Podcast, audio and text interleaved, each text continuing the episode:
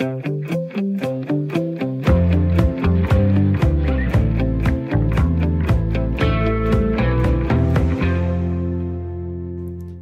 skal du høre et sammendrag af Ring til Due, som er Radio 4 samtaleprogram. Det du skal høre er en genudsendelse af et program, som blev sendt den 8. november og handlede om organdonation. Fordi det er en genudsendelse, skal du være opmærksom på, at du hverken kan ringe eller sende en sms ind, også selvom Camilla opfordrer til det i programmet. God fornøjelse. Du lytter til Ring til Due med mig, Camilla Due. Og jeg er altid glad, når vi øh, kommer i æderen, fordi nogle gange så er der lige lidt tekniske problemer til at starte med, men nu er vi her. Velkommen til her til morgen, da øh, kiggede jeg ned i min øh, og så kunne jeg ikke finde det der røde kort. I ved nok, donorkortet. Og det havde jeg ellers på et tidspunkt, men øh, måske så har jeg lige skiftet punkt siden, og jeg skal være ærlig at sige, at jeg ved faktisk ikke lige nu, om jeg er organdonor eller ikke. For nogle år siden, der øh, modtog jeg et øh, brev i min postkasse, jeg sendte det tilbage jeg sagde, ja, jeg vil gerne være donor. Og så har jeg så ikke hørt noget. Så på et tidspunkt, så kom jeg til at tænke på, skulle jeg lige gå ind på nettet og tjekke det der schema? Øh, så drillede det. Jeg kunne ikke komme ind med nem idé. Og lige nu står jeg faktisk i den situation, jeg ved ikke, om jeg er organdonor eller ikke. Så nu har jeg åbnet sundhed.dk her på min computerskærm. Jeg har lige tastet mit NemID ind, og jeg kan se, der er noget, der hedder registreringer. Nu prøver jeg at klikke på organdonation. Der står, at øh, computeren den arbejder. Det er jo dejligt at vide, at øh, sundhedssystemet er i gang. Og så lige om lidt, så skulle jeg gerne få svar på, om jeg faktisk er organdonor eller ikke. Og det er jeg øh, vældig spændt på, fordi der er en ud af tre danskere, som ikke har taget stilling endnu. Den seneste undersøgelse viser, at en halv million danskere er så meget i tvivl, at det er en barriere for, at de kan tage stilling. Nu vil jeg gerne spørge dig, der lytter med. Er du en af dem, der har besluttet, om du vil donere dine organer, og hvad har du valgt? Eller har du ikke lige fået gjort noget ved den beslutning endnu? Ring til mig på 72 30 44 44, eller send en sms til 1424, hvor du skriver R4, laver et mellemrum, og så skriver du din besked. Altså har du taget stilling til organdonation, eller har du ikke fået det gjort endnu? Send en sms til 1424, skriv R4, lav et mellemrum og skriv så din besked. Eller ring til mig lige nu og fortæl det på 72 30 4444. Og yes, okay, jeg er organdonor, der står her, du har senest registreret dine ønsker den 26. i 10. 2016. Og mens at uh, I er i gang med at ringe og skrive ind, så vil jeg gerne høre, hvad Pernille og Anne-Marie siger, siger til det her spørgsmål. I er mit lytterpanel i dag. Hej med jer. Da, øh, Pernille, da du hørte, at uh, vi skulle snakke om organdonation, tænkte du så yes eller no? Jeg tror, jeg var lidt mere sådan, okay, lad os gøre det. Og Anne-Marie, der er jo mange, der er i tvivl. Øhm, hvorfor tror du, så mange er i tvivl om, at de skal beslutte? Jamen, jeg tror, der er forskellige årsager til det. Altså, der kan både være det, at man tænker, ja, det skal jeg også have gjort, og så øh, skyder man det. Der kan også være det, at øh, man øh, på en måde bliver konfronteret med sin egen død, eller ens allernærmestes. Og så kan det også være, for nogen i hvert fald, rent følelsesmæssigt, at øh, der kan være en grænse, man ligesom synes, man skal overskride. Jeg hedder øh, Camilla Due. Hver dag der har jeg lytter i studiet. Jeg vil også rigtig gerne have dig, der lytter med, til at ringe eller skrive ind, så du kommer med ind i øh, snakken. Og nu et hej til mit øh, lytterpanel. Pernille Lund Olesen, 28 år, bor i Horsens, scenekunstproducent, du har en kæreste, du kan lide at læse, spille brætspil og brodere. Anne-Marie Frederiksen, 71 år, bor i EO ved Aarhus, pensionist og tidligere underviser og konsulent på sygeplejerskeuddannelsen. Du har fire børn og 10 børnebørn. Ja, det er dejligt. Det er vildt. Flot. En ud af tre danskere har altså ikke taget stilling til organdonation. Der er 500 danskere, der er i tvivl om, hvad de skal vælge. Anne-Marie, øh, er du organdonor? Ja, det er jeg faktisk. Øh, men jeg må indrømme, at øh, det var egentlig dig, der skubbede mig i gang i går. Okay, da jeg lige ringede og fortalte, hvad vi ja, skulle snakke ja, om. fordi jeg synes, at øh, det er en øh, borgerpligt, og jeg havde ikke selv fået det gjort, men det har jeg nu. Og hvad stod i vejen for, at du havde fået taget stilling? Det, det er jo ikke særlig svært, kunne jeg jo så lige se. Det er det bestemt ikke, men det kræver alligevel, synes jeg, nogle overvejelser. Øh, for mig der har det nok også været noget følelsesmæssigt med inde i det øh, og også øh, en stillingtagen til, hvad er det så for organer, jeg egentlig gerne vil donere. Pernille, du har taget stilling. Det øh, gjorde du øh, for 10 år siden som 18-årig. Hvordan kom det i stand? Jeg tror, det var i forbindelse med, at jeg snakkede med mine forældre om det her med at blive myndig, og hvad for et ansvar man har som nyligt voksen, og vi snakkede stemmeret, og vi snakkede, nu skal du til at lære at lave et rigtigt flytte hjemmefra budget, og alle sådan nogle ting. Og så kan jeg ikke huske, om det var på grund af en kampagne, der var øh, i medierne på det tidspunkt, men vi snakkede også om organdonation, hvor mine forældre så også blev tvunget til at tage stilling, fordi nu skulle jeg også tage stilling, og vi inddrog min lille søster i samtalen. Og så kom vi ind på snakken om, hvad, hvad vil vi gerne? Og hvad har du så besluttet? Hvad må blive taget eller ikke taget? Alt. De må tage det hele fra mig. Og hvorfor det? Jeg tror, det er fordi, at jeg ikke føler, at jeg skal bruge det, når jeg er færdig med at bruge det. Øhm, jeg tror ikke på, at jeg skal bruge det, hvis jeg skal videre, og man kommer videre. Øhm, jeg tror, der er andre, der kan få mere gavn af det her, end jeg kan. Anne-Marie, hvad har du øh, så sagt? Øh, du har så været inde og gøre det lige i går. Mm-hmm. Ja. Hvad har du valgt? Jamen, øh, i første omgang nyre og busbødkirtel. Og måske, man har jo lov at gå ind og ændre, så man har også lov at få et til. Så du har lavet det, man kalder en begrænset tilladelse? Ja. ja.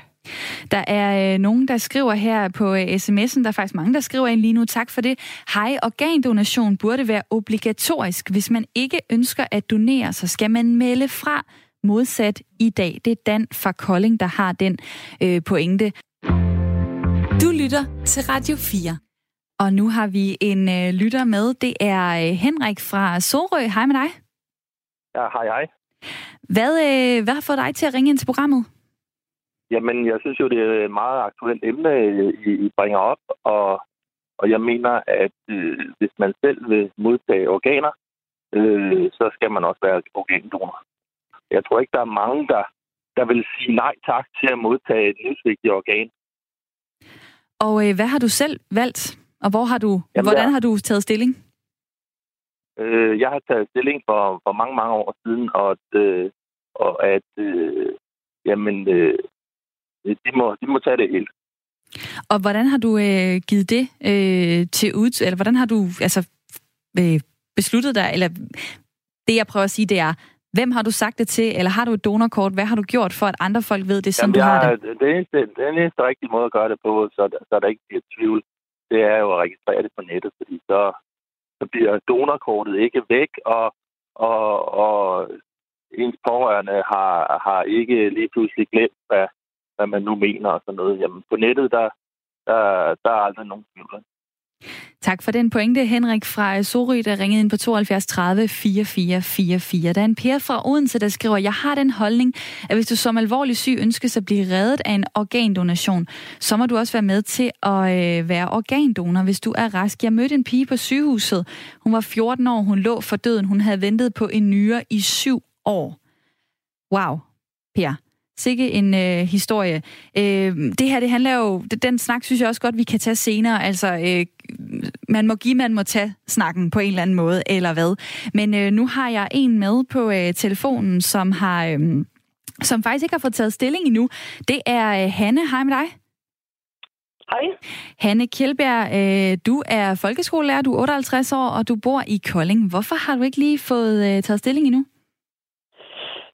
Øh, jeg har jo nok egentlig fået, jeg har jo nok faktisk taget stilling, men jeg har ikke fået gjort noget ved det. Øhm, og jeg er jo slet ikke i tvivl om, at det er jo noget, vi bør tage stilling til, og vi er noget, vi bør gøre noget ved, fordi øh, øh, man kan jo hjælpe rigtig, rigtig mange mennesker, hvis man står i en uheldig situation. Øh, men jeg tror måske lidt det der med, at når man sådan skal tage stilling, så er der nogle ting, der kommer lidt tæt på. Altså øh, sådan noget tanken om døden og øh, tanken om fremtiden. Og så ligesom om, så bliver det sådan lige lidt øh, farligt, og man får måske lige lidt øh, angst øh, over for det. Øh, det kommer i hvert fald lige lidt tæt på, synes jeg. Så når du siger, at du har taget stilling, så er det inde i dit hoved, men der er ikke andre, ja. der ved, hvad du mener? Nej, lige præcis. Fordi altså, min mand har taget stilling, og mine børn har taget stilling, og de har også handlet. Øh, så de er tilmeldt. Men, øh, men så langt er jeg ikke helt kommet. Det, det ligger inde i hovedet, men det er ikke øh, kommet til handling endnu.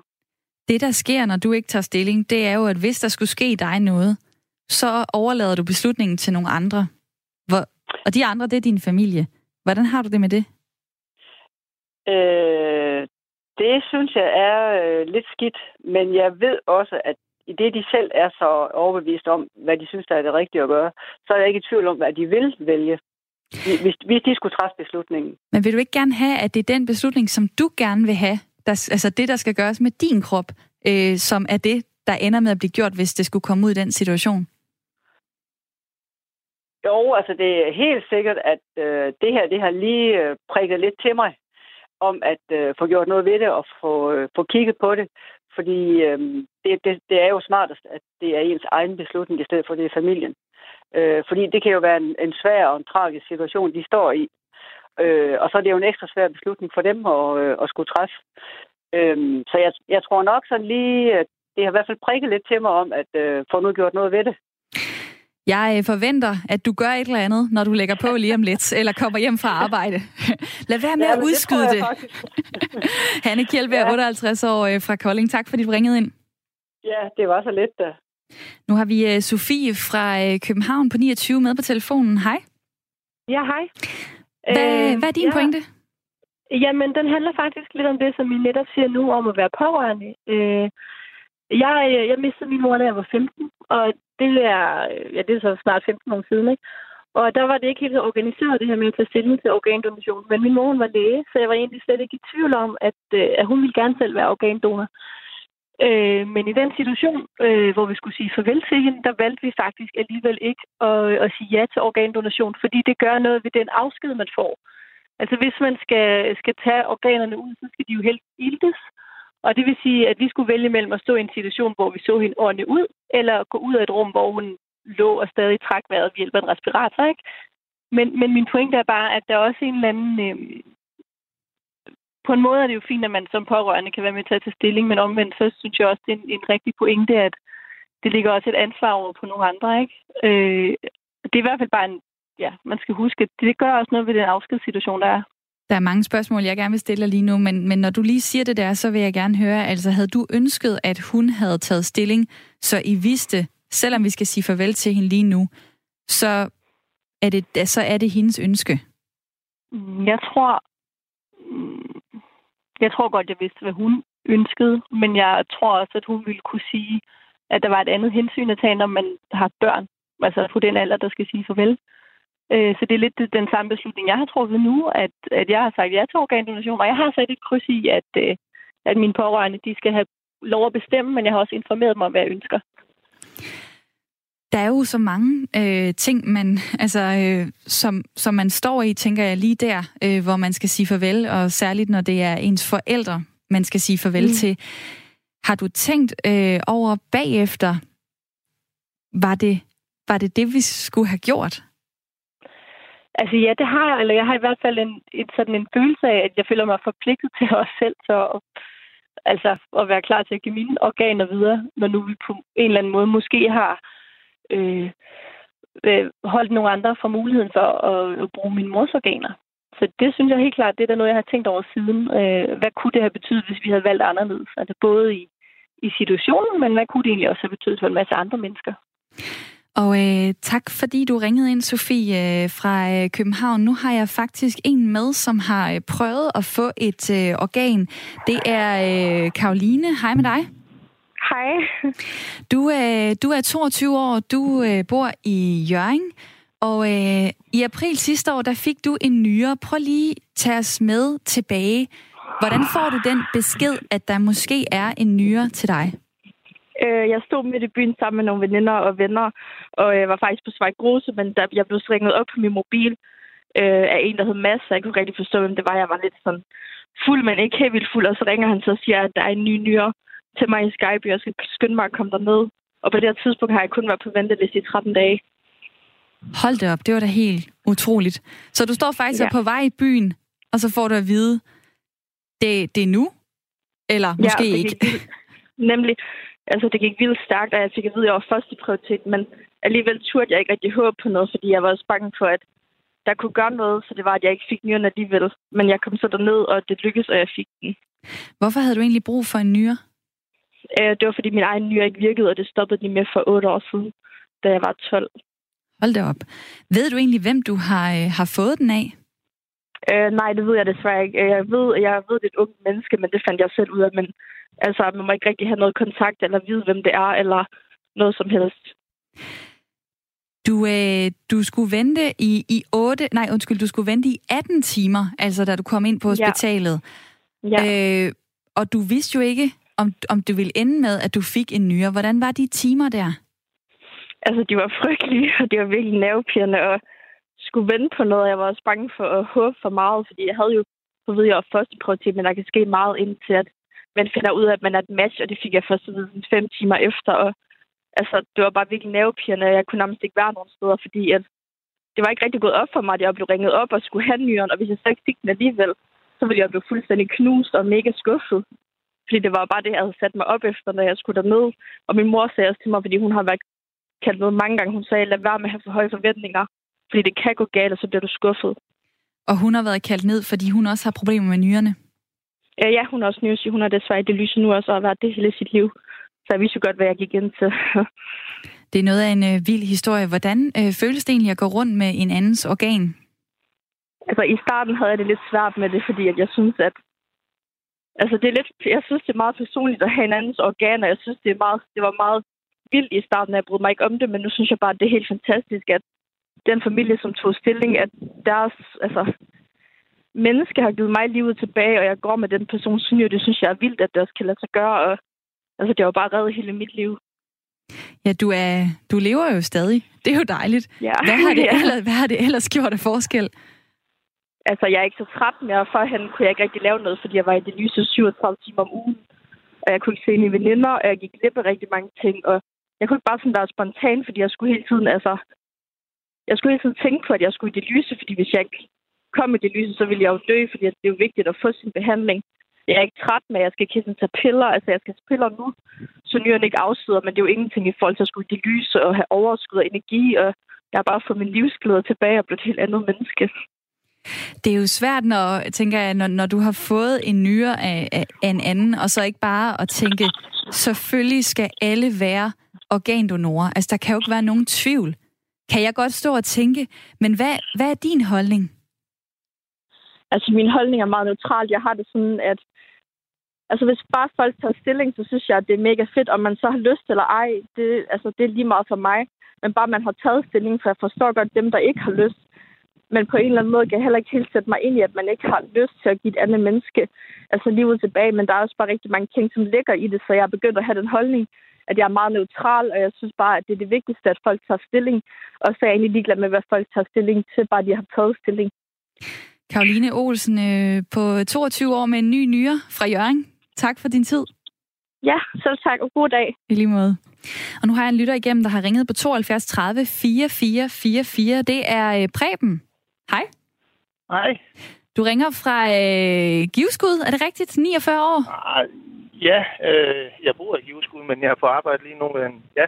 Tak fordi, at du øh, lytter med. Hvorfor har du ringet ind? Det er fordi, at øh, jeg vil selv gerne donere, og de må bruge, hvad de kan. Men i det, jeg har sukkersyge og forhøjet blodtryk, så kan de ikke bruge det. Så det stiller jo folk i en lidt forkert situation nogle gange. Har du undersøgt, om, om noget af dig kan bruges, så at sige?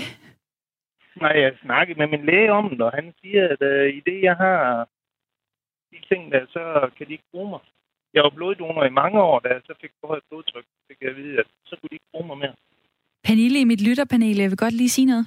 Ja, jeg synes, det er rigtig fedt, at du har taget stilling, og det er selvfølgelig super ærgerligt, at din sukkersyge gør, at du ikke kan i nogens øjne bidrage, men det er netop også derfor, at at jeg har det lidt svært med, at man skal sige, at hvis du vil have, så må du også kunne give, fordi det er ikke alle, der kan give, og vi kender ikke hinandens krop eller hinandens historier. Om det er en... Det mig lidt, eller ja, gjorde mig lidt øh, sur over den ja. kommentar der med, at alle skal give. Jamen, alle kan ikke give. Nej, og det er, det er netop det. Altså, jeg kan, jeg kan også godt forstå, at man siger, at hvis du vil have, så må du også kunne give, men det er bare ikke os alle, der kan det. Noget af det, som øh, jeg har været øh, inde og kigge på, nu har jeg jo læst lidt op på det her område, det er, at man kan jo altid øh, kontakte øh, for eksempel øh, en donorforening eller sådan noget og sige, jamen det her, det er min situation. Er der noget af mig, der kan bruges alligevel, selvom jeg har den her sygdom? Øh, har du overvejet det? Øh, jeg har snakket med en læge om det, og han siger, at det, det var ikke noget, de kunne bruge, så længe jeg have det. Så du, du er sådan helt sikker på, at alle dine organer, de kan ikke bruges, selvom du er sukkersyg? Jamen, jeg vil da godt til at snakke med ham igen, hvis det er. Jeg tænker i hvert fald bare, at det er noget, man, øh, man kan overveje. Preben, tak fordi du øh, ringede ind. Altså noget af det der med, øh, for eksempel der er også ældre mennesker, øh, nogen vil kalde dem gamle mennesker, som tror, jamen de kan ikke bruges. Og det er også en myte. Det kan de godt. Anne-Marie? Ja, det er netop også det, fordi jeg har jo også tænkt på, at jeg er ikke ung mere, men øh, man kan sige, selvom man er langt op i 80'erne, så har man også øh, organer, hvis man i øvrigt er rask og frisk, der kan bruges. Det samme, hvis man får noget medicin. Øh, der er rigtig meget medicin, man øh, sagtens kan have brugt, uden at det forhindrer, at man øh, kan være organdonor. Så, så, men det er jo rigtig klogt enten at tale med egen læge, eller gå ind og kontakte nogle af foreningerne, som kan hjælpe med at få det helt afklaret. Jeg kan godt forstå, at man, øh, man sådan tænker, åh, oh, shit, man, skal man igennem alt det der? Skal man, så skal man til at ringe til nogen, eller man skal skrive en mail, mm. og altså, det, det, det er jo også meget mm. øh, altså arbejde på mm. en eller anden måde. Mm. Ja, men Ja, men jeg vil sige, at øh, hvis man er fortrolig med en computer nu om dagen, så kan man jo afklare rigtig meget ved at gå ind på nogle forskellige hjemmesider og finde ud af, hvem er det, jeg kontakter. Og så er det jo sådan set ikke andet end at tage enten at skrive en mail eller tage telefonen og ringe. Og lige angående det der med, med alder, altså sidste år i 2018, der var den ældste donor. I kommer lige med et gæt. Hvor gammel var han, hun? Måske op i 90'erne. 85 år. Okay. Radio 4 taler med Danmark. Vi øh, skal også have Lone Bø med i den her snak, udviklingssygeplejerske hos Dansk Center for Organdonation, et nationalt videnscenter. Hej med dig. Ja, hej. Du har arbejdet med øh, organdonation i over 20 år. Du har øh, også selv stået på intensiv afdeling som sygeplejerske, altså der, hvor organdonationerne foregår. Nu har vi snakket meget om at være i tvivl, og man ikke tager stilling. Dem, der ikke tager stilling, de overlader det jo så til, øh, til familien. Hvordan har du oplevet det øh, at stå udefra og se nogle familier skal beslutte, om øh, de skal vælge, at deres øh, søn eller for eksempel datter skal donere sine organer? Ja, det er et vigtigt spørgsmål, du bringer op der, fordi som udgangspunkt, der er det altid lettere for familien. Det er en kæmpe tjeneste, man har gør sin familie, hvis den afdøde selv har truffet den her beslutning. Men når man så står i den her situation, at man ikke kender den afdødes holdning, Jamen, der er den typiske måde, som, som jeg kan høre, at rigtig mange familier griber det an på. Det er netop, som jeg også hørte øh, sygeplejersken før fortælle, det er, at man sætter sig omkring sengen, og så kigger man på, og det er også typisk den måde, man bliver guidet på af læger og sygeplejersker. Hvad tror du, patienten selv vil have ønsket? Men hvordan kan man vide det? Have mulighed for det. Hvordan kan man vide det? det? man får snakket sammen om det ud fra, hvordan var pas, øh, den her person øh, som, øh, som person i hverdagen. Og de ting, der tit kommer frem, det er sådan noget med, han var jo altid, han stod altid klar til at hjælpe andre. Han var så hjælpsom hele vejen igennem, og han var der altid for andre. Og så bliver det tit talt, at det vil lige være i hans ånd at kunne være med til at redde andre menneskers liv. Og det er det, når man står med den her beslutning, man kan se, at det allerbedste det vil være, hvis han kunne vågne op igen og være i live. Men når det nu ikke er en mulighed, øh, så vil det give god mening, at han trods alt kunne være med til at redde andre menneskers liv. Er det ikke lidt hårdt, at man på en eller anden måde øh, putter den, øh, den der ligger foran en, som, som er død, øh, putter ham eller hende i en kategori, som er, jamen var han sådan en, der vil hjælpe, eller var han sådan en, der ikke vil hjælpe? Det falder meget naturligt for de pårørende. Jeg kan kun sige, hvordan, hvordan de øh, står med, men de kender den afdøde, øh, og kan sige, at vi ved helt sikkert, at det her det vil være i hans hånd, og der øh, jeg oplever også meget tit, at der faktisk ikke er nogen vaklen fra de pårørende, fordi de, ja, vi kan se, at det her, det, det er vi stadig i tvivl om, at hun selv eller han selv vil have sagt ja til. Og det, det er nok også det, der gør, at i 75 procent af de tilfælde, når vi står ind på intensive afdelinger og har de her samtaler, jamen, så vælger familien faktisk at sige ja.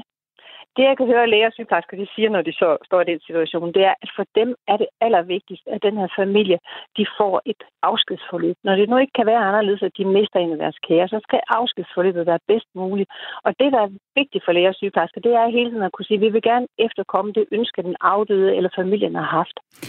Vi kan opfordre til, at øh, du, der lytter med, får tænkt over, hvad du vil, hvis du er en af de øh, tre øh, danskere, der ikke har, øh, altså en ud af tre, der ikke har taget stilling. 500.000 er stadig i tvivl. Derfor var det emnet i dag her i Ring til Due. Pernille og Anne-Marie, tak for jeres tid med lytterpanel. Selv tak. Du har lige lyttet til et sammenklip af programmet Ring til Due, som blev sendt første gang den 8. november. Om lidt er det tid til et nyhedsoverblik, og derefter vender jeg tilbage med en anden god genudsendelse af Ring til Due, hvor det skal handle om dialekter.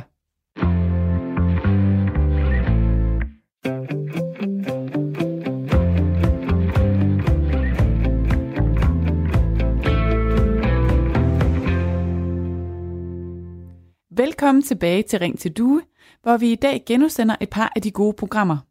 Og nu skal det altså handle om dialekter. Programmet her er en genudsendelse fra den 18. november, og det betyder også, at du hverken kan ringe eller sende en sms ind til Camilla. Til gengæld kan du nyde lyden af de mange forskellige og skønne dialekter fra hele landet. God fornøjelse.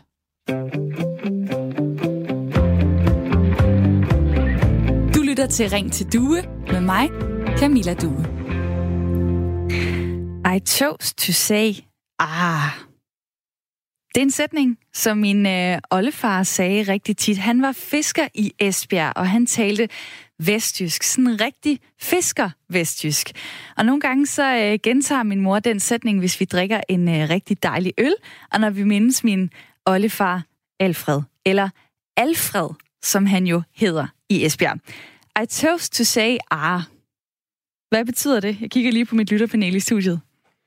Jeg vil tro, det øh, betyder det ikke. Jeg synes, altså jeg, atøvs, det betyder vist nok, jeg synes. Og så atøvs, du sagde, ah, jeg synes, vi skal sige ah, eller jeg synes, vi skal sige skål. Måske, så, vi, så vidt som jeg kan have fundet ud af, øh, jeg har ringet rundt til familien, fordi var faktisk lidt i tvivl om det selv, så betyder det, jeg synes, du sagde ah. Og det er noget, man kan sige til hinanden, for eksempel hvis noget smager rigtig godt, sådan er det i hvert fald blevet øh, brugt i min familie.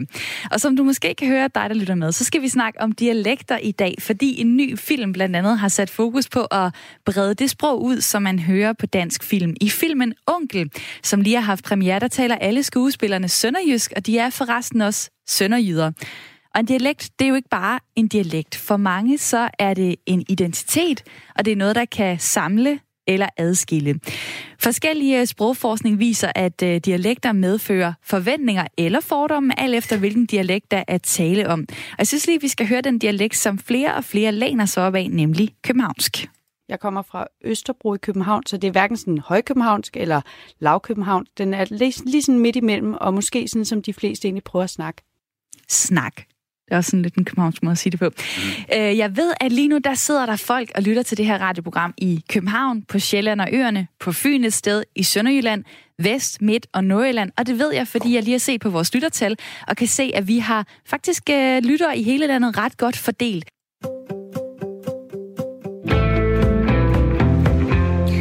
Og jeg har allerede hørt mit uh, lytterpanel pip lidt i dag. Nu uh, vil jeg sige ordentligt hej til Søren og Stefan. Hej med jer. Godmorgen. Godmorgen. Søren Alfred Sørensen, du er 31 år, du bor i Hundelev tæt på Lykken. Du er entreprenør og arbejder som øh, speditør, har kæreste og to børn, kan lide at arbejde i din fritid, elsker at tage rundt med dine børn og drikke en garagepilsner med drengene. Stefan Rasmussen, 37 år, du bor i Aarhus, du er kommunikationskonsulent, har kone og barn, kan lide at åbne et dansegulv, kan lide at vandre og kan ikke lide at køre bil, fordi det er kedeligt. Søren, jeg kunne godt lige tænke mig, at du øh, præsenterer din dialekt. Hvor er du fra? Jeg er fra Højløv. Højløv? Højløv. Altså, jeg forstår det godt. Og det er i Nordjylland? ja, det er så mellem Jørgen og Lykken. Og Stefan, du forstår det, fordi du er også nordjyde. Ja, jeg er så, øh, jeg er så Søndenfjords, fordi jeg er fra Aalborg, men øh, jeg kan godt, øh, jeg, kan, jeg kan sagtens forstå det på, på de kanter der. Sprog, det, det er jo ikke bare sprog. Hvad er det mere? Jamen, det er jo, altså, det er jo dit modersmål, kan man sige, i altså, måden, måden, vi, måden, vi taler på, men også i, kan man sige, mere geografisk specifik, øh, er det jo, at knytter det jo dig til der, hvor du, til der, hvor du kommer fra, og der, hvor du er vokset op, så det har jo enormt meget, det er enormt tæt på din person og, og, og, og din identitet, som du også var med på, så det, og, og angribe folk på, på deres øh, dialekt eller deres sprog er jo, altså, er enormt alvorligt, vil jeg sige, fordi det, det, det går virkelig dybt ind i din person. Vi må høre med, at I har nogle historier om det senere i programmet. Øh, Stefan og Søren, I er med mig den næste time her i Ring til Due, som er Radio 4 samtale- og lytterprogram. Og øh, Jan, du øh, har ringet ind til programmet. Du bor i Malmø. Hej. Hej. Øh, ja, Jamen, det er fordi, jeg vil gerne sige, det her med at høre sin egen dialekt, når man er bort hjemmefra, altså nu er jeg også fra Aalborg, fra, fra Nordjylland, det er simpelthen, øh, det er skønt. Øhm, nu her med Radio 4 for eksempel, jamen der er det lige pludselig begyndt at komme øh, sådan mere jyske accent, eller dialekter i, øh, øh, i radioen. Og øh, man, jeg, jeg får sådan lidt den samme følelse, når jeg er tilbage i Aalborg, du ved, øh, når man hører sådan øh, aalborgensisk, det, det starter sådan lige til at tage en, en hyggelig jakke på, en gammel frakke, du ved, og man, man er sådan, føler sig hjemme, og alt er godt og varmt omkring en. Øh, så dialekterne betyder meget, øh, og jeg, jeg tror heller ikke, man ligesom øh, sætter pris på den diversitet, øh, det skaber, fordi det er jo ikke, det er jo ikke kun en dialekt, øh, nordjysk, øh, og jysk, øh, mange steder, det er, jo, det er jo en helt anden grammatik, vi har. Øh, øh, de, øh, I København for eksempel, jamen, der har man øh, en og et, for eksempel. Men i, øh, i Aalborg eller i Nordjylland, så har vi bare æ, et kat, et hus, og Øh, så så der, der er, altså, det, er jo ikke, det er jo ikke kun dialekter, og, og dialekter i Danmark er så tilpas øh, forskellige, at øh, hvis du er i København, jamen, så kan du høre, om folk er fra øh, øh, Nord, Nordkøbenhavn, eller fra Amager, eller fra Centrum, eller øh, der, er, der er simpelthen så stor variation. Øh, jeg, jeg synes også, det er lidt synd nu i de her store universitetsbyer, som f.eks. Aarhus og København og, og Aalborg, øh, hvor der kommer en masse unge, så, så går dialekterne sådan lidt af mode igen, eller de forsvinder og bliver sådan lidt op af et eller andet øh, rigsdansk. Øh, jeg, jeg ved også, at jo, jo længere jeg har været tilbage eller hjemme i Aalborg, øh, jamen, jo mere jysk øh, taler jeg også. Altså, der er forskel på de jyske taler øh, her i Malmø eller i København, og så eller, det danske, jeg taler i Malmø og København, og så det danske, jeg taler i, øh, i Aalborg efter et. Jan, tak fordi at, øh, du ringede ind med den pointe. Det var spændende at høre. Nu har vi øh, en øh, lytter med. Det er Mia. Hej. Hej. Du, øh, du er fra København, men du bor i Aalborg. Der er åbenbart ja, mange, øh, der gør det. Jeg håber ikke, det gør ondt i ørerne på nogen. Nej, hvordan har du det med din dialekt? Jamen, øh, jeg har det egentlig rigtig fint. Jeg har det rigtig godt. Øhm, jeg tror ikke, at jeg er den, der tænker allermest... Øh, jo, jeg tænker selvfølgelig over dialekter. Men jeg lægger ikke så meget øh, i dem. Øhm, som sådan, synes jeg, fordi jeg har en mor, der snakker jysk, og det har jeg aldrig rigtig lagt mærke til, og hele min familie er sådan set fra Jylland. Og i gymnasiet synes folk egentlig også, at jeg snakkede jysk. Øh, I hvert fald nogen mødte mig med, ej, du snakker så jysk, Mia, men, men det synes jeg jo ikke selv. Og når jeg er oppe i Aalborg, så bliver jeg også kommenteret på min, på min københavnske accent. Oplever så det du lidt, det man som en... Ikke nogen steder hjemme. Nej, det må da egentlig være lidt svært. Altså, øh, i den ene landsdel, der er du for øh, københavnsk, og i den anden, der er du for jysk. Jamen altså, i hvert fald øh, lidt. Ikke? Altså, så øh, for eksempel har jeg haft en, en taxachauffør øh, i Aalborg, der øh, jeg stillede ham et spørgsmål, og så, øh, så tog han sin sele af og var næsten ved at hoppe ud af, af bilen for at altså, sige, hvad sagde han, er det for en accent? Han var helt... Øh, det kunne han ikke lige have. Men øh, så snakker man jo sammen, og så finder man ud af, jamen, øh, der er jo ikke nogen grund til at have øh, nogle fordomme, fordi vi er jo alle sammen mennesker. Øh, og, og, og man er jo ikke man er jo ikke født, øh, eller det er ikke ens egen skyld, at man har fået den accent, man har. Øh, så det skal man jo ikke undskylde for. Og jeg synes at det er mega fedt at komme op til Nordjylland. Nu er jeg også blevet hængende. Øh, og, og høre altså, alle de udtryk. Og, altså nu så har jeg også snakket om nogle af dem lige nu her. Og jeg synes, det er så charmerende, at vi i så lille et land kan have så meget diversitet i vores accenter. Det synes jeg er vildt. Det der jeg synes med... bare, man skal holde fast i det også. Og nu øh, skal vi til en øh, anden del øh, af landet, nemlig Sønderjylland. Okay, i dag ligger du mod, jo. Nå, det var du. Ja, det tror jeg, jeg gør du. De får en sprøjte hele ski, så har du kun høns på dag. Har du fået assistent, du? Ja, det er Chris Have fra Stenbjerg. Det kan jeg da godt se. Hvordan har onkelen? Fint. Jeg forstår ikke, han ikke kommer af med den går. Han har da svar ved alt det her. Det, som du hører her, det er lyden af en uh, svinestal, og det er fra filmen Onkel, som uh, havde premiere i uh, torsdags. Faktisk så blev uh, Chris jo optaget over delestudie lige efter gymnasium.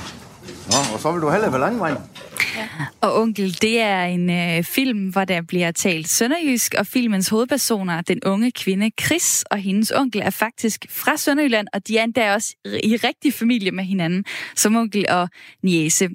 Nu har jeg ringet til filminstruktør Frelle Petersen. Hej med dig. Moin. Moin, moin. Hvorfor skal de uh, tale sønderjysk uh, i din film? Jamen, øh, jeg kommer jo selv fra Sønderjylland, og øh, så havde jeg jo lyst til at lave en film fra hjemstavn, så det var egentlig helt naturligt, at den øh, skulle være på sønderøsk, for dialekten den er så stor en del af os. Øh, men alligevel så gik det hen og, og blev enormt vigtigt for mig, øh, fordi øh, der bliver jo desværre sjældent lavet film med dialekter, og øh, også selvom at de foregår i områder med udpræget dialekt. Øh, og så synes jeg, det er jo både øh, herligt og lidt eksotisk, at vi jo er et lille land med så mange dialekter. Øh, så det blev særlig vigtigt, at, øh, at onkel den skulle være på sønderjysk. Øhm, og derfor så fandt jeg også alle skuespillere i en radius af 15 km for ligesom at værne om den specifikke dialekt netop fra det vestlige Sønderjylland.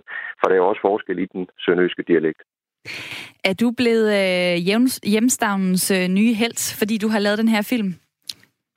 Vi har i hvert fald fået rigtig øh, positive tilbagemeldinger på det, at øh, sønderne synes, det er rigtig skønt, og øh, at, øh, at man netop værner om, om dialekten også for den her angst om, at den skulle uddø på et tidspunkt. Øh, men samtidig så har jeg også lige øh, været til øhm, øh, visninger i København i forskellige biografer, hvor jeg har mødt publikum, som øh, også fremhæver det som positivt, at de synes, det er netop fedt, at, øh, at man laver noget, der er så kendetegnende for en, en specifik region. Er der undertekster på? Ja, det er der. Øh, og det er faktisk noget, jeg, jeg selv har valgt. Man kan sige, at jeg har haft folk, der har spurgt, om jeg ikke er ked af, at min øh, sønderjyske film den er undertekstet med danske undertekster. Så det bliver noget overraskende, når jeg fortæller, at, at det har været mit eget valg øh, fra den spæde begyndelse. Øh, jeg forventer ikke, at alle publikummer kan forstå sønderjysk. Jeg kan selv have øh, svært ved at forstå nordjysk og Bornholms til tider. Øh, og så synes jeg, det er fint at sikre sig med, med danske undertekster, for det, det er jo ærgerligt at indløse en billet og så ikke forstå halvdelen af replikkerne.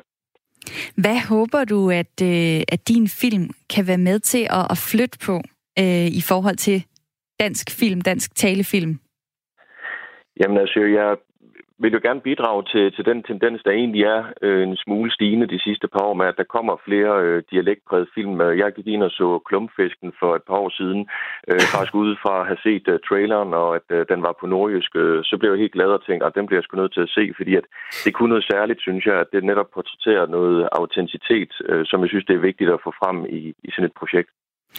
Filminstruktør Frelle Petersen, tak for din tid. Ja, men selv tak. Og øh, filmen Onkel, den øh, går stadig i en øh, biograf nær dig. Nu har vi øh, en lytter med. Det er Sonja fra Bornholm. Velkommen til programmet. Ja, hej. Hej. Jeg er ikke Bornholm, som jeg sagde til Mikkel. Nå, men du bor på Bornholm? Jeg, jeg er ikke født på Bornholm, men jeg bor her. Det har jeg gjort siden 2003. Jamen, for jeg synes at du lyder lidt jysk. Ja, men øh, jeg plejer at sige, at jeg er en sjælden mand, så jeg er faktisk født på Sjælland. Okay. Men det er der ingen, der kan høre jo. Nej. Og, og jeg har det sådan, at de forskellige steder, jeg har boet, så kan jeg let komme til at snakke den dialekt, der hvor jeg bor, eller de mennesker, jeg er sammen med. Og hvor, hvor, så det vil sige, at du har ikke en dialekt, som du vil kalde din egen? Nej. Jeg har, det synes jeg ikke, jeg har. Altså, det er nok mest jysk. Der er mange, der, der siger til mig, at de tror, at jeg kommer fra Aarhus. Men jeg har en søster, der har boet i Aarhus. De, hvor... de mener, de kan høre, hvor jeg kommer fra. Jeg er nemlig god til at høre, hvor folk de kommer fra i landet. Hvor, øh... Og jeg oplevede noget sjovt, da jeg flyttede herover og arbejdede på et plejehjem. Så snakkede de gamle Bornholmer så Bornholm, så jeg kunne forstå, forstå, hvad de sagde. Så snakkede jeg lige så ravjyst det bedste, jeg kunne. Så kunne de heller ikke forstå mig, men så, så faldt de til patten, som man siger. Så snakkede de, så jeg kunne forstå dem, og så snakkede jeg også, de kunne forstå mig. Nå, så det er sådan lidt en hets, man kan køre mod hinanden, hvis man lige skruer op for den der øh, dialektknap på en eller anden måde. Det er der nogen. Men nu, nu er det jo sådan, Bornholmer, de elsker jo folk, der snakker jysk. Ej, hvor dejligt. Hvor, hvor kommer du fra? Vil du ikke afsløre det? Hvor kommer du fra? Jo, jeg kommer fra en by, der hedder Standby. Det ligger i nærheden af Svindinge på Sjælland. Der er jeg født. Men din jyske accent, hvor kommer den fra? Eller dialekt, undskyld. Ja, den kommer fra, den kommer fra Herning. Den kommer fra Herning. Hvordan, øh, hvordan reagerer folk på Bornholm eller andre steder egentlig på det der med, at du siger, at du samler dialekten op og ligesom tager den til dig og bliver lidt præget af det? Det har de da ikke noget imod. De synes ikke, det er falsk? Nej, men det er det jo heller ikke, fordi at man, man hylder jo med de ulve, man er iblandt. Og jeg har ikke min egen specielle dialekt, fordi jeg har boet mange forskellige steder. Jeg har også boet i Sønderjylland, jeg har boet på Mors, så jeg, jeg tager lidt af hver, det kan jeg slet ikke være med. Det er nok, fordi man har gehør for det. Sonja, jeg er glad for, at øh, du ringede ind til programmet. Tak for det. Det er bare i orden, du. Og øh, Stefan, øh, du har øh, du kører nogle gange det der med, at du er sammen med en gruppe øh, unge mænd fra Aalborg, så taler I Aalborgensisk og overdriver det helt vildt. Og det er faktisk gået galt på et tidspunkt. Fortæl lige om den situation. Jamen, der var en episode der, fordi vi, ja, som sagt, vi, vi kan godt gejle hinanden lidt op og, og, og give os til sådan at overdrive vores, øh, vores modersmålsophav fra, fra Aalborg sådan helt, helt vildt. Og det har, det har vi så gjort nogle gange. En gang så gjorde vi det så faktisk, hvor vi var i Aalborg hvor så en af mine venners øh, øh, far også var der, og han, han hørte jo også, altså vi, vi kørte bare lystigt ud af at have det sjovt. Han blev faktisk han blev rigtig ked af det, og var egentlig en lille smule stødt over det, øh, og sagde, hvad, hvad er det, skider I egen redde, eller hvad er det, kan I ikke, øh, kan I ikke respektere, der hvor, I, der hvor I nu kommer fra, I er jo faktisk fra byen her, og det er sådan, vi taler her, hvorfor laver I så meget pis med det? Og det, det, det, det ramte os sådan set, fordi altså, ja, man kan godt høre det udefra, så lyder det enormt arrogant og enormt provokerende, det vi gjorde der, men det var i aller, aller største kærlighed, vi gjorde det. Og vi var sådan helt chokerede, altså, fordi det var slet ikke det, der var meningen. Det var simpelthen, fordi vi holder så meget af det og fordi vi, vi, vi var så tilbage i Aalborg, og så dyrker vi så lidt vores hjemstavns sprog på en eller anden måde, ved så også overdrive det selvfølgelig, ikke også? Men det, det, det, det viser sig faktisk, at, at, og det kan jeg sagt, sagtens forstå, at han også blev, øh, at han også blev en lille smule ked af det der, fordi det, det, det virker enormt altså stødende, og også frastødende fra der, hvor vi kommer fra, så det var egentlig, det var egentlig lidt interessant at, at, at opleve det på en eller anden måde. Og Søren, hvordan ville du have det, hvis, du, øh, hvis der kom nogen, og så ville de ligesom gen, genopfinde den der øh, nordjyske, og sådan virkelig sidde og overgøre det. Vil du, vil du kunne tænke, at det var, at, at man ville gøre grin med nordjyder? Det tror jeg ikke, jeg vil, hvis det var på den måde der, som I har, har haft det, Stefan. Men altså, hvis der kommer en eller anden, og så bare, ja, gør grin med, med, med mit uh, modersmål, så vil jeg da blive pænt ked af det. På et tidspunkt, da vi talte sammen, så sagde du, at, uh, at nogen vil måske sige, at man var sådan lidt bøv.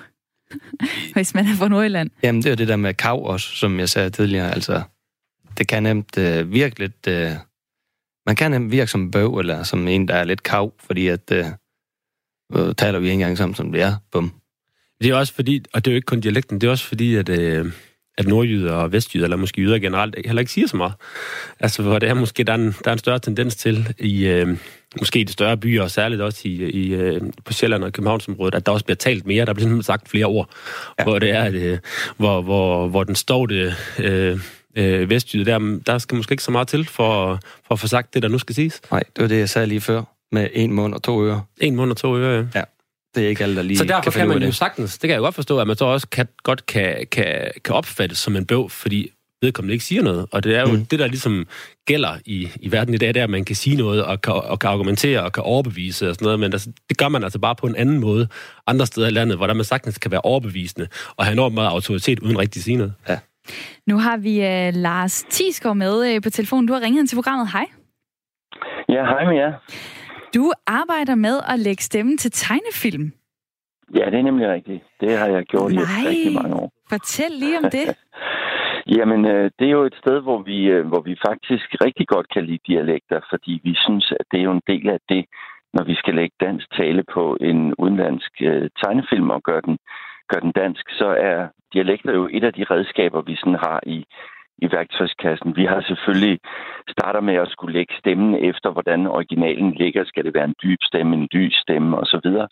Men hvis der er et eller andet, hvor vi synes, her passer det rigtig godt med en dialekt, og hvis så skuespilleren derinde kan lave øh, dialekten overbevisende og holde fast i den, så kan vi rigtig godt lide at bruge den. Vi kan jo nævne Bumle for eksempel i, i biler, som øh, Lars Hjortøj laver, ikke?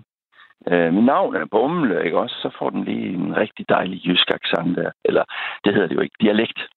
Kan det, kan det blive misbrugt sådan, at når der så skal være en eller anden, der er tumpet, jamen øh, så, så finder man øh, en eller anden jysk accent øh, frem, hvor hvis det er en, der skal være øh, måske lidt smart i en fart, så er det, så er det Københavner-dialekten. Ja, altså, det er jo meget sjovt, fordi øh, dialekterne sender os jo nogle steder hen. Det er klart, at en, der taler langsomt, kan man godt forbinde med en, der måske ikke er så hurtigt. Men apropos biler, så er der jo nogen, der tænker, jamen Lyne McQueen med den der sådan lidt københavner smarte replik, det er jo helten. Men, men hvis man egentlig tænker over det, så er det for mig, at Bumle jo helten. Det er jo Bumle, der får lynet ud af den der idé om, at man skal være smart og berømt, og, og det gælder om at vinde. Øh, og Bumle får ham øh, ligesom gjort opmærksom på, at venskabet og det nære og, øh, og det måske med at gå lidt ned i tempo, har øh, de virkelige værdier. Nu har jeg så, ikke lige... Så jeg, øh, ja. Nu har du ikke lige biler sådan præsent inde. Nej, præcis. Men, men, men, men jeg synes, så, så du siger egentlig, det er faktisk lidt det modsatte. Altså, øh, det er sådan, jamen. den kloge, det er så øh, den, der måske ikke er så, øh, så hurtig i replikken. Ja, det er jo netop det, som den film i hvert fald gerne vil fortælle os. Og, og på den måde synes jeg, at vi prøver virkelig at, at blande kortene, når vi laver de her tegnefilm. Jeg er jo selv øh, sønderjyde, men har levet i eksil øh, siden jeg var 18, ikke? men er vokset op med i Gråsten. Og øh, er jævnligt dernede. Så sent som sidste weekend, der var jeg med i en forestilling øh, på Alsion, der hed En Sønderjysk Eftermiddag, hvor vi udelukkende øh, optrådte på, på, på sønderjysk dialekt, både med sang og, og sådan nogle revynumre. Hvad, hvad har du egentlig selv lagt stemme til? Altså, kan du, kan du nævne nogen, du har været i tegnefilm? Jamen, det kan jeg. Jeg, jeg er godkendt til, til Grisling. Åh, ja. oh, du godeste plus. jeg er øh, Scooby-Doo. Jeg ikke så oh, nej. Og hvis han nu var sønderjyd, så vil han jo sige, Moin, åh oh, nej, du ved, hvor vi skal gå. Og så øh, lægger jeg også stemme til Pumba. Hakuna Matata. Og hvis han var sønderjyd, så ville det jo være noget med Hakuna Matata, kom lige her, Timon. Vi skal have noget bille, bille, bille. Ej, hvor er det fantastisk. Men hvad, ja. jamen, hvordan, øh, hvordan står du egentlig og vurderer, om du øh, synes, at der skal bruges nogle dialekter? Altså, det er nok en eller anden, en eller anden beslutning, man træffer, inden man går i gang med ja. at speak det hele, men... men det er rigtigt. Hvordan, hvordan, spiller, hvordan er du med i den beslutning? Jamen, jeg sidder som, øh, som dialoginstruktør på, på en del tegnefilm, hvor jeg jo så i samarbejde med for eksempel Disney Danmark eller nogle andre skal finde ud af, hvordan løser vi den her opgave. Og for eksempel med, med Bumle der i, i biler, der øh, stod der, at vi skulle finde en måde at tale på, der adskilte sig fra de andre figurer, og det skulle være en, en dialekt, som sendte signalet om, at her der har vi det ikke så travlt. Der tager vi det mere stille og roligt. Og, øh, og det behøvede ikke at være... Nu, nu endte det med Lars Hjortshøj og, og hans øh, dialekt fra Jylland, men de, ja, for, for mig at se, kunne lige så godt have været fra Sjælland måske. Altså, du ved, den der... Ja, en skal ud efter kraften, og det går jo nok alt sammen. Øhm, at man havde lagt den der. Men altså helt klart noget, der ikke var storby. Den, den stemme, du lige lavede der, den kan jeg genkende. Hvad, er det for en, hvad var det for en film? Det er fra Holme Olstrup. Det er ham... Øh... Ja, det er nede fra. Det er en kant dernede. Nede fra ja. Holme Olstrup. Længere, ja, længere, længere, længere, længere. Fra Nissebanden. Ej, hvad er det, det har jeg ikke noget med at gøre. Men, men fordi jeg laver stemmer til tegnefilm, så interesserer jeg mig for dialekter. Jeg elsker at prøve at efterligne dem. Og jeg kan også gå til efterligne en lille smule derovre på Bornholm, og de taler på den måde der. Det kan være, der sidder en uh, Bornholmer og tager sig til ørerne lige nu. Men i hvert fald så vil jeg sige tusind tak, fordi du ringede ind, Lars Tisgaard. Ja, velbekomme. nu har jeg ringet til Marie Mægaard, lektor på Institut for Nordiske Studier og Sprogvidenskab på Københavns Universitet. Velkommen til programmet. Marie Mægaard, kan du høre mig her? Det kan hun øh, vist ikke. Jeg prøver lige at øh, tænde for en anden knap her. Marie Mægaard, kan du høre mig på den her linje? Ja, det kan jeg sagtens. Ja, det er dejligt. Før, men jeg ved kunne... ikke, om du kunne Nej, det kunne jeg nemlig ikke, derfor øh, så, så søgte jeg lidt i blinde. Så fandt jeg frem til dig ned i min pult, og det var øh, rigtig dejligt. Snakken i dag øh, om dialekter har været meget sådan positiv og jo præget af sådan lidt øh, godt humør, og alligevel så er der flere, der dropper deres dialekt. Hvordan kan det egentlig, hvordan hænger det sammen? Ja, men det hænger jo nok meget sammen med, at når vi øh, taler om dialekt på den her mere bevidste måde, øh, som I jo også har gjort i dag, hvor jeg har snakket om, hvordan, hvad vi forbinder med forskellige måder at tale på, så er det tit, at vi har de her meget positive idéer om, hvad, hvad vi egentlig synes om, øh, om traditionelle dialekter i dansk. Øh, men når det kommer til noget lidt mere underbevidst, så kan vi se, at folk faktisk tit vurderer øh, klassiske dialekter ret negativt, og de vurderer det sprog, man kan sige, øh, der kommer fra København, ret positivt. Øhm, og, det, øh, og det har at gøre med den magt, øh, der har ligget øh, i flere hundrede år i, øh, i København, som er blevet kan man sige, centreret mere og mere om, øh, om det københavnske. Så i København har man haft øh, både den politiske, økonomiske og kulturelle magt er blevet mere og mere, øh, kan man sige, centraliseret omkring København. Og når man har så meget magt for, forbundet med et sted, så kommer det også til, den status kommer også til at smitte af på sproget, og det kan vi se overalt i verden, at, øh, at det er ligesom magtens sprog, der bliver det, som folk orienterer sig mod, og derfor bliver det også det, der kommer til at sprede sig. Så som det er lige nu, er sproget så en, øh, en barriere, hvis man taler med en dialekt, som ikke er den københavnske? Øh, ja, det, er, det, vil det, det vil det være øh, i mange sammenhænge, men jo selvfølgelig ikke i alle sammenhænge. Det er jo tit, at, øh, at man i det nære og i familien og med de øh, lokale venner, man har osv., selvfølgelig bruger noget meget mere lokalpræget, hvis man for eksempel kommer fra Sønderjylland. Men hvis man skal øh, kommunikere og, øh, og så videre med folk fra, øh, fra København, så vil man skifte over og tale på en anden måde, fordi man så bliver taget mere alvorligt. Marie Mægaard, tak for din tid. Jamen, det var så lidt. Lektor på Institut for Nordiske Studier og Sprogvidenskab på Københavns Universitet. Vi har et halvt minut øh, tilbage, øh, Søren og Stefan i mit lytterpanel. Hvad tager I med fra øh, dagens snak? Øhm, jeg tager med, at... Øh, var det Timon? Eller var det Pumba? Det var Pumba. Der kunne have været talt på Søn. et lidt federe sprog.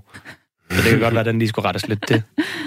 Hvad med dig, Stefan? Jamen, jeg tager med fra, fra, fra dagens snak, at man skal prøve at måske åbne sine, sine, øjne, sine ører lidt, øh, lidt mere, øh, fordi jeg tror faktisk godt, at man kan forstå de her dialekter, hvis man ellers lige lytter lidt til. Man er hurtigt til at lukke ned.